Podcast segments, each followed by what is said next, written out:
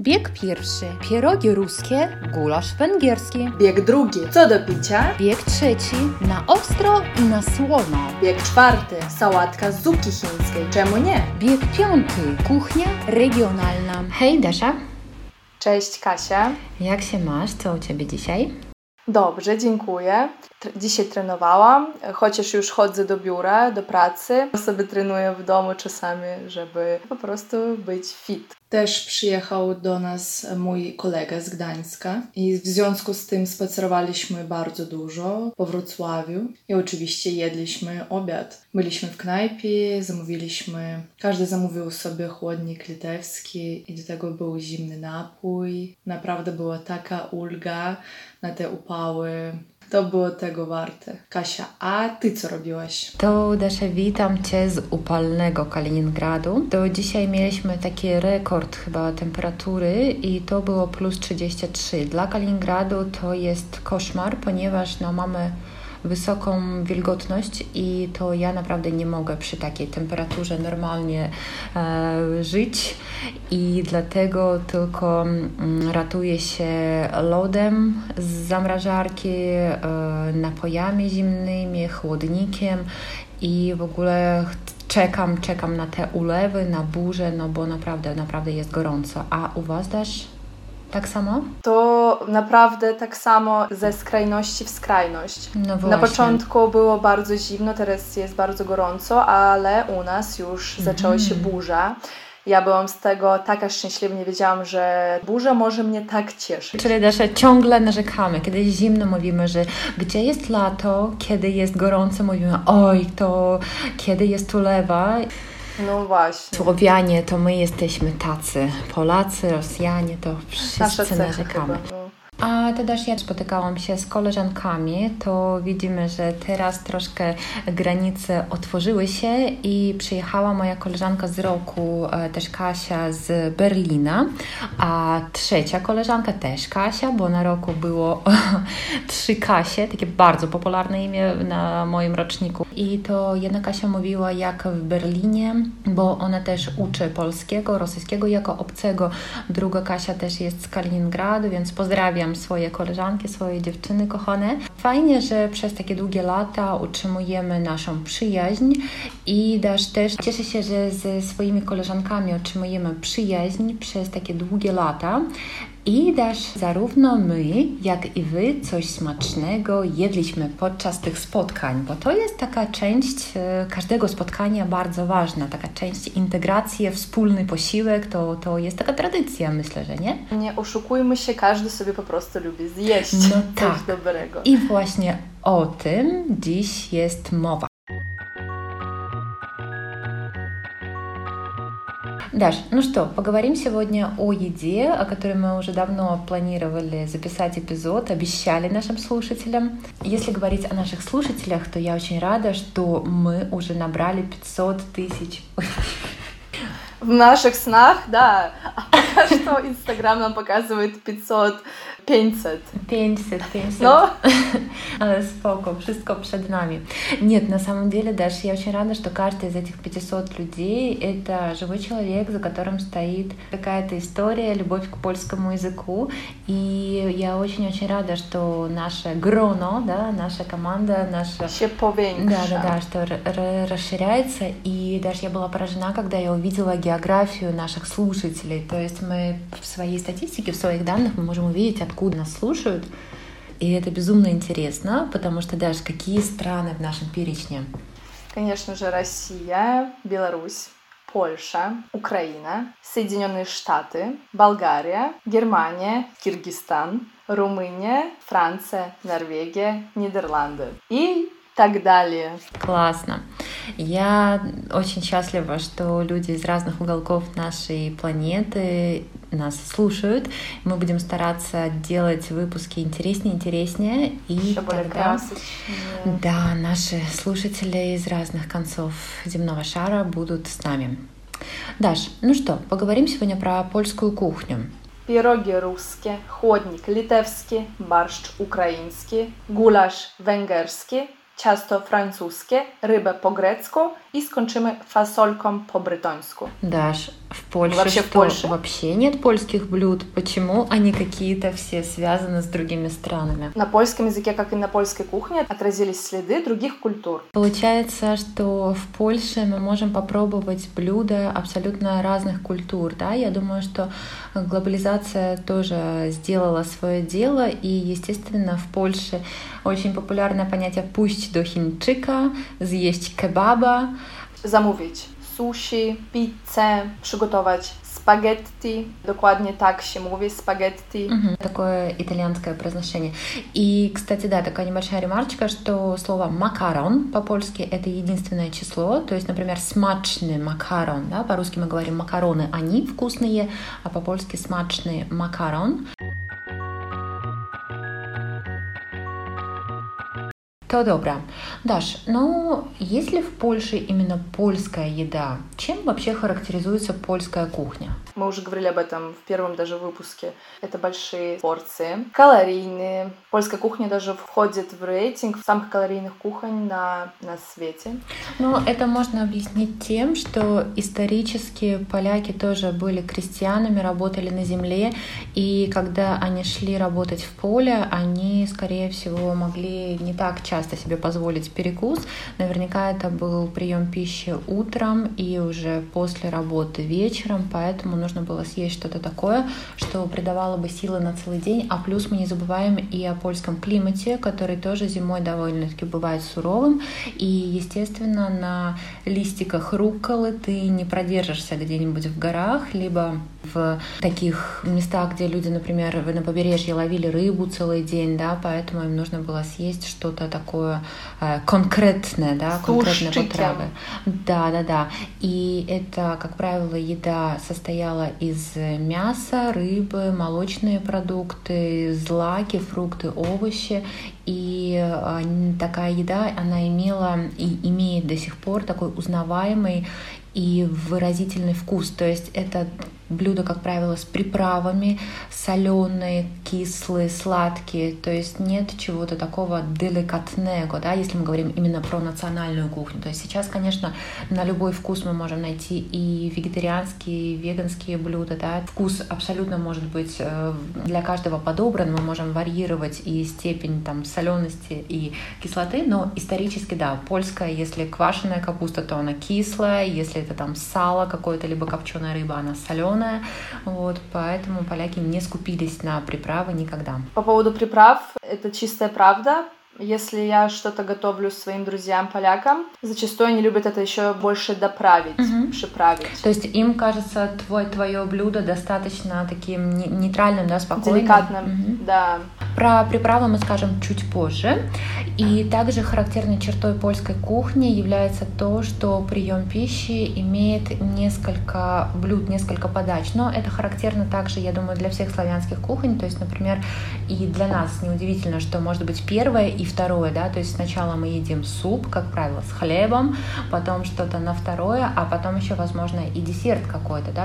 Мы можем есть не так часто, но довольно-таки большими порциями. Опять же, да, сейчас это все меняется, и диетологи не советуют нам именно так питаться, как исторически было. Но, конечно же, э, раньше, раньше было немножечко по-другому. Еще моншные потравы, блюда из муки, например, разные пироги, вареники, напоминаем, клуски, пызы. Также значительной, значительной частью польских блюд является такой способ приготовления, как квашение, да, то есть э, кишеное воживо. Ну, это тоже обусловлено климатом. Зимой нет в Польше свежих огурцов, свежих помидоров и прочих овощей, которые заготавливались летом. Сейчас, естественно, на полках магазинах все есть, но до сих пор поляки активно э, употребляют и квашеную капусту, и там чвикве, да, бурачки с уксусом. То есть это является как самостоятельным блюдом, но, как правило, это основа для многих польских блюд, для бигаса, для борща, например, для множества гарниров. И тоже вот э, я читала в книге, что диетологи советуют нам употреблять такие блюда, потому что тоже это можно отнести к суперфудам, то есть они очень полезные. И вот эти э, блюда, да, они имеют имеют такой ферментированный состав, поэтому э, подумайте о том, что это может стать частью вашей диеты довольно-таки здорового питания.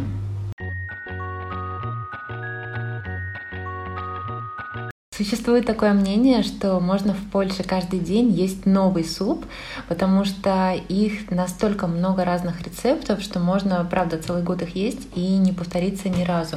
Потому что есть зупа помидорова, зупа огуркова, крупничек, журек, grochówka, rosół, barszcz biały, barszcz czerwony i oczywiście chłodnik na upały. Zupa rybna też. Зуба рыбна, так. Я вспомнила интересную историю с росолом. Uh-huh. Меня как-то пригласили на импрезу, и мой друг говорит, что на следующий день классно будет выпить, ну, он сказал, кушать или выпить, не помню. Он сказал, что рассол, росол. Uh-huh. Я поняла, что рассол из огурцов. А что у нас так делают? плохо.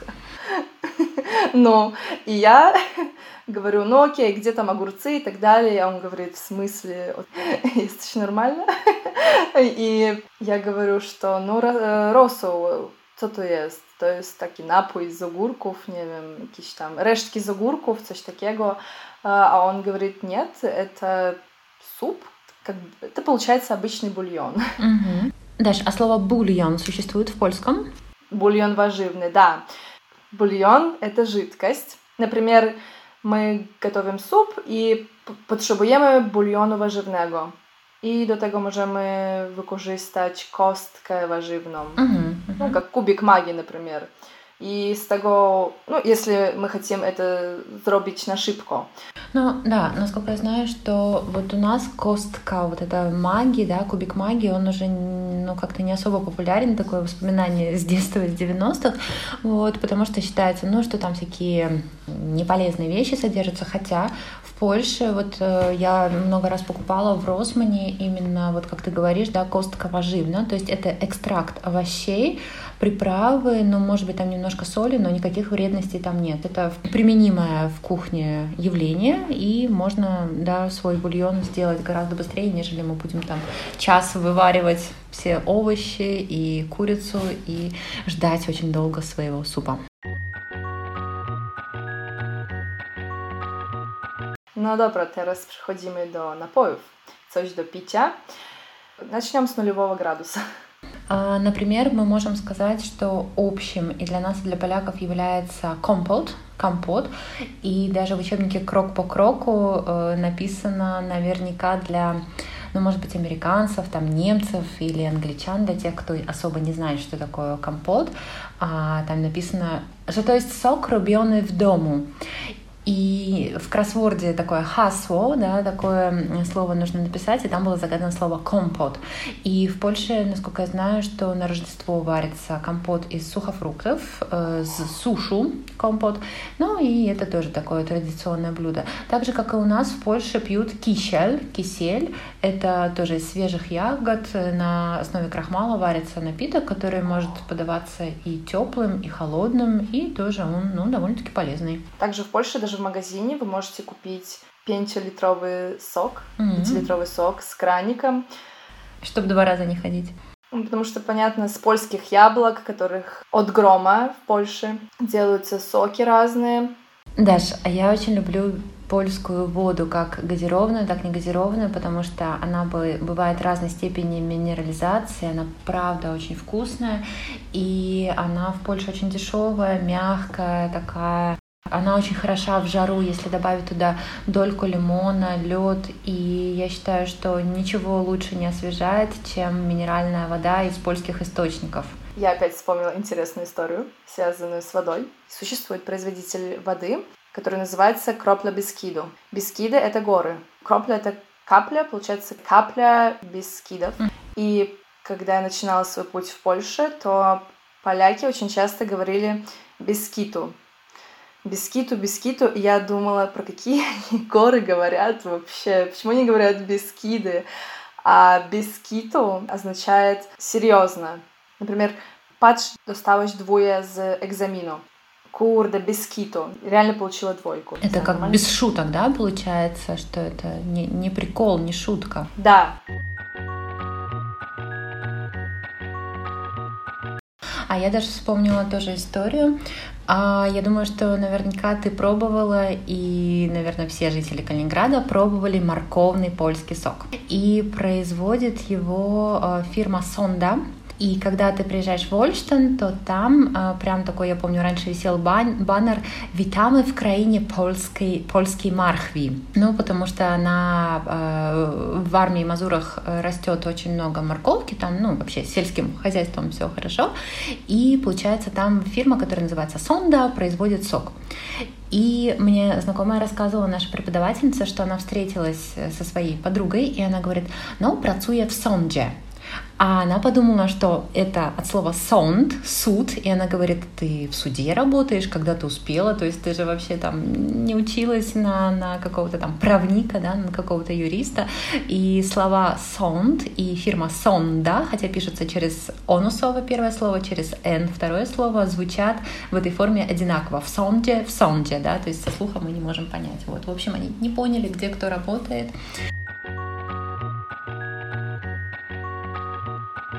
Про безалкогольные напитки все понятно, что с алкоголем. Я думаю, что это тоже неотъемлемая часть польской культуры, польской кухни, и что, например, отличает польскую культуру употребления алкоголя, например, от Франции, от Испании, от Италии и роднит с нашей культурой. В Польше очень популярны домашние наливки, домовые наливки э, или мед питный. Это наподобие нашей медовухи что-то, да? Да, их делают даже у себя дома иногда, и много есть баров, где делают наливки. В Гданьске есть очень классный бар, который называется Вишневский. Там делают наливки с вишней. Ну и Вишневский — это еще фамилия писателя. Ну, это вообще, по-моему, третья по популярности фамилия в Польше, потому что у меня даже было несколько знакомых с фамилией Вишневский в Польше, хотя они абсолютно э, были не родственниками и даже не знакомы были друг с другом. Даш, я слышала, что есть целая сеть каких-то баров, где именно специализируются они на наливках. Да, тоже связано с вишней. Называется «Пьяна вишня» mm-hmm. заведение. Есть во Вроцлаве, открывается сейчас в Лодзе. Кстати, наши знакомые открывают. И в Варшаве. Из вот этих наливок сделали такой бренд узнаваемый для иностранцев. И Конечно же, каждая наливка смакуя иначе. Ну, я думаю, даже про алкоголь мы тоже можем поговорить отдельно, потому что польское пиво заслуживает, я думаю, отдельного разговора. И, например, э, спор о том, чья же все-таки водка, русская или польская, кто имеет на нее права, и вообще про крепкий алкоголь, про всякие там настойки, я думаю, мы поговорим в отдельном да, в отдельном выпуске. Как мы уже сказали, что в Польше характерной чертой э, кухни является использование множества приправ.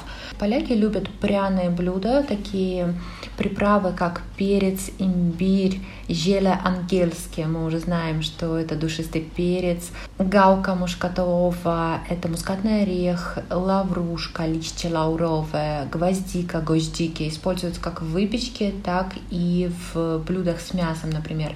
Шафран, который на вес золота, очень дорогая, по-моему, самая дорогая приправа в мире. А шафран это не что иное, как тычинки э, крокусов, которые тоже в Польше растут в горах. И ну, раньше они все-таки при привозились из других стран. Ну, естественно, цинамон, корица, всеми нами любимые в выпечке, в шарлотках, во всяких кексах, в кофе добавляется Глинтвейне. корица. Но, Даш, расскажи, какие приправы исторические были в Польше, поскольку те все привозились из-за рубежа. możemy wyróżnić polskie przyprawy, takie jak e, pietruszka, pietruszka, jałowiec, marzywielnik, tymianek, tymian, majeranek, majoran, rozmaryn, rozmarin, mój ulubiony, mięta, miata, a rozmaryn mój nieulubiony. Mhm. Nie przepadasz, tak? Nie przypadam, nie, nie, nie. A to ja natomiast nie jem pietruszki, nie znoszę jej. No, a ja uwielbiam, no. Zdania się podzieliły. Czosnek. Чеснок. И я думаю, что вы помните, что фамилия известного польского астронома Миколая Коперника восходит к слову «копер», которое переводится Копер. даже как «укроп». Поэтому Миколай Коперник — это никто иной, как Коля Укропов, если бы он жил в России.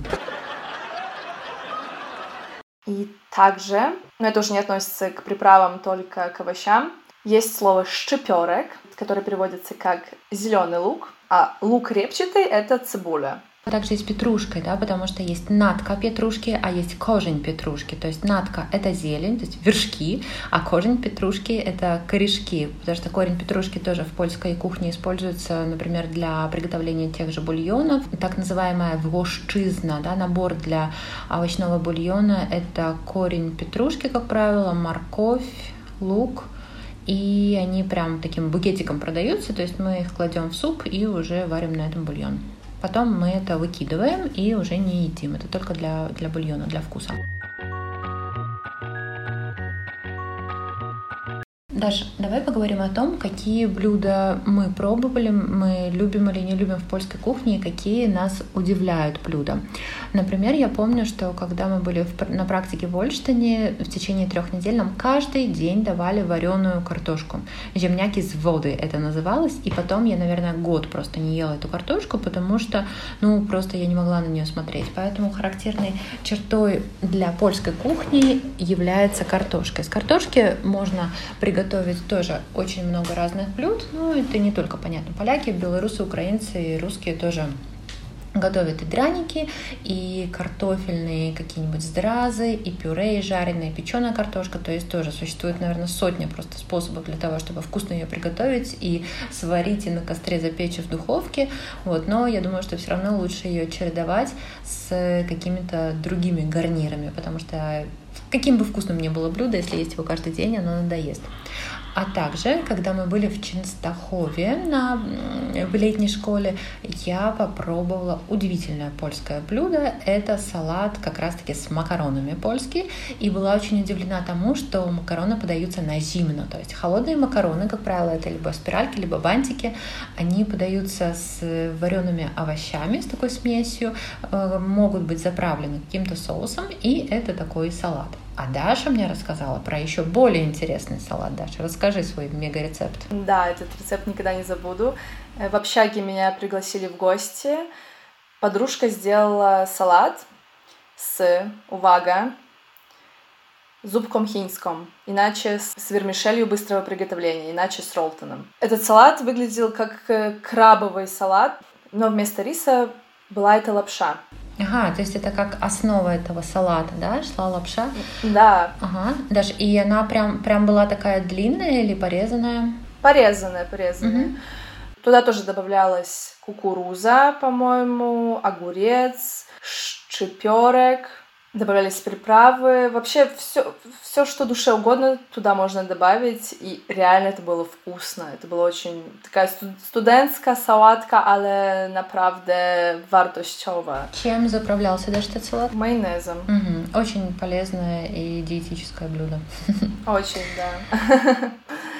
Я также помню, что была удивлена, что в Польше очень много едят бутербродов на завтрак. Мне казалось, что это тоже прям национальное польское блюдо. То есть в России, как правило, мы чередуем кашу, омлет или там тоже те же бутерброды, но может быть просто это студенты так кушают, потому что я очень хорошо помню, что вот эти булочки кайзерки, на них намазывалось или масло, или творожный сыр, и потом можно было положить туда или кетчуп. А, кетчуп, но это совсем уже студенческая версия. Да, я тоже помню, как мы жили э, в Торуне на практике, и у нас была бутылка кетчупа.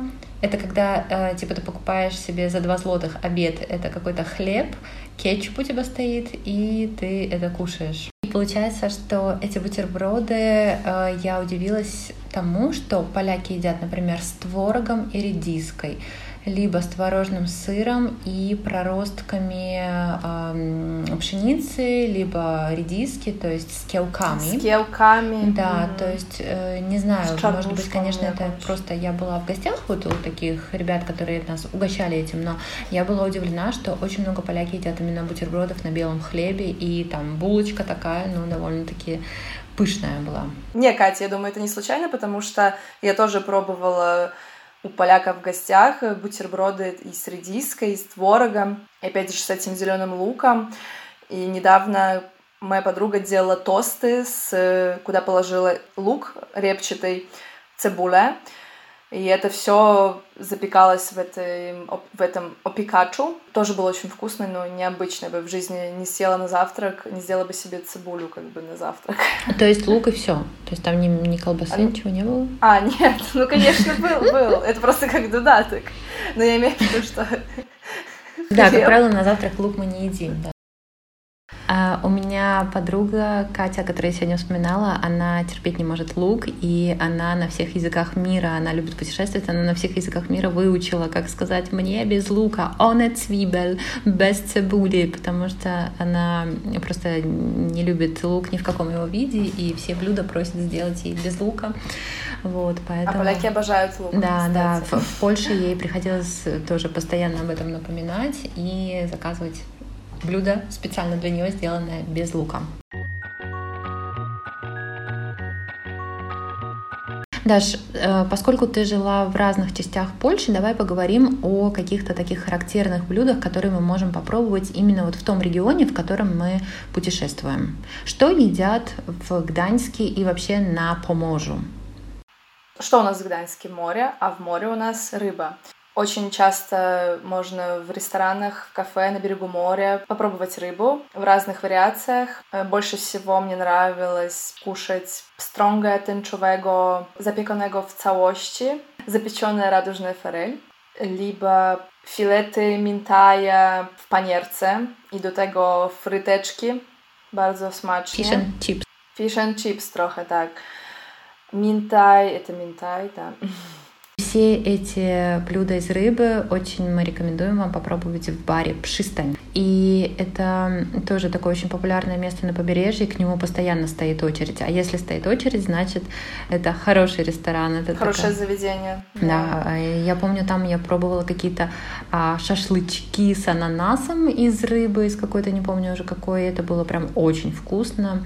Еще поможет мишикояжи с гофрами поможе ассоциируется у меня с вафлями, потому что я помню, когда я приехала первый раз во Вроцлав, хотела покушать этих вафель, и их нигде не было, как на злость.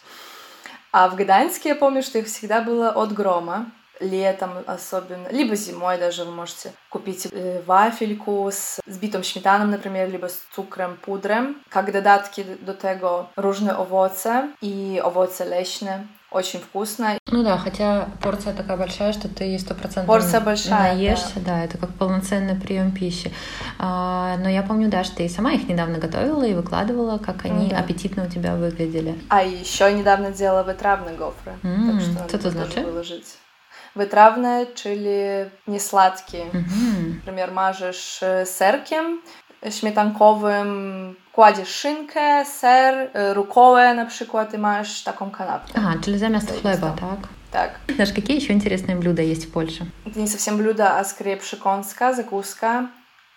Мой любимый осципек. Mm-hmm. Копченый сыр с клюквой. Клюква это журавина. Если вы прочитаете вообще про осципек, то наткнетесь на то, что он сделан из овечьего молока, и это может вас зniechęcić, но не переживайте, он не пахнет козой, овцой, он пахнет просто чем-то копчененьким, вкусненьким, mm-hmm. и именно это нужно пробовать с клюквой. Даже если вам кажется, что как можно соединить э, соль- соленый вкус со сладким, то поверьте, это того стоит. И еще я знаю, что осципек, он имеет такую строгую регламентированную форму, то есть вы его не спутаете ни с чем. Мы в сторис выложим, если вдруг кто-то еще его не пробовал, как его найти, как он выглядит. И его можно и в горячем виде подавать на гриле, подогрев, а можно и в холодном, в принципе, его съесть. Он продается даже кусочками в супермаркетах, вы можете его купить. Это блюдо вообще происходит из подхалия. Это характерное такое блюдо для гор, но я думаю, что во всей Польше его любят. Да, конечно, конечно мы очень скучаем сейчас по польским сырам, по твердым сырам, по плесневым сырам, и очень хочется поехать в Польшу и попробовать всю эту палитру вкусов. Говорят, что... С вером замовения. Говорят, что... Да, ты через границу провези еще. Говорят, что во Франции очень много видов сыра, но мне кажется, что в Польше не меньше. Во всяком случае, на любой вкус и на любой кошелек найдется свой сыр. И моцарелла, wszystko, wszystko. Угу. И еще, если говорить про типичную такую еду. Э, я вспоминаю крюски, э, которые делаются из картошки вареной, это смешивается с мукой и, по-моему, с яйцом. И получаются такие шарики. Очень вкусно до tego jakieś schabowy z sosem musztardowym na przykład. O, aż ślinka cieknie. И на десерт мы можем взять, например, наличники с сыром. И с этим у меня тоже связана одна история в Лодзе. Даже из рукава достается очередная история. Да. Я пошла в столовую, у нас была столовая, и я туда пошла, чтобы купить наличники с сыром. Но я хотела купить сыром именно с желтым uh-huh. сыром. Я вижу, написано наличники с сыром. Ну, я говорю, попрошу там два. И я такая вся счастливая, иду в комнату, открываю эту пуделку, эту коробочку, пробую, и там был такой сыр, как творожный. Наличники с сыром — это сладкие блины. Если было бы написано с желтым сыром, да, то тогда это были бы уже соленые вот эти блинчики с сыром. Так же, как и пироги с сыром, да, это не пироги с сыром, как осетинские, например, а это именно вареники с творогом сладкие, да, то есть их да. можно взять на, на десерт уже даже.